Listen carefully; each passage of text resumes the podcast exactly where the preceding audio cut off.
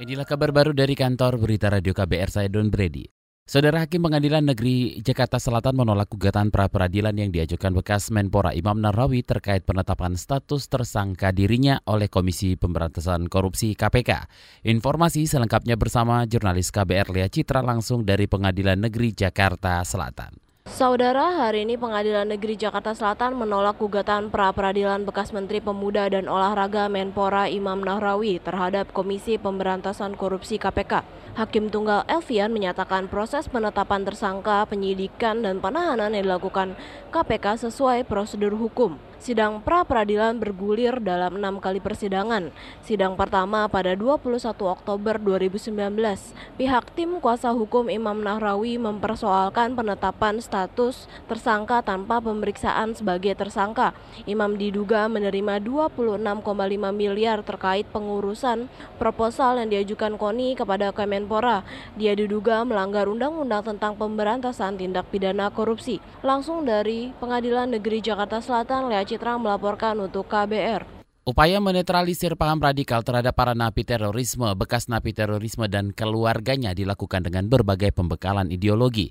Direktur Kewaspadaan Nasional Kemendagri Akbar Ali menjelaskan pembekalan ideologi antara lain tentang pemahaman arti jihad yang sesungguhnya, cinta tanah air, hingga pembekalan keterampilan produktif. Kita bersinergi untuk uh, memberikan pemahaman kepada uh, saudara-saudara kita yang menjalani sebagai napiter maupun mantan napiter termasuk jejaring jejaring serta keluarganya.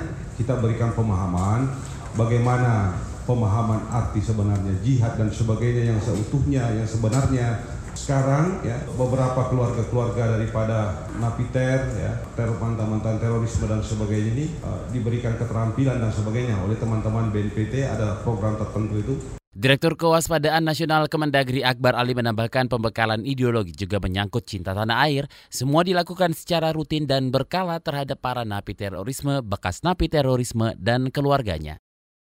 DPRD Balikpapan Kalimantan Timur akan merevisi peraturan daerah tentang pajak hiburan yang dianggap memberatkan para pelaku usaha tempat hiburan malam. Anggota Komisi 2 DPRD Balikpapan Syukri Wahib menyatakan pajak hiburan di Balikpapan merupakan yang tertinggi di Indonesia yaitu mencapai 65 persen.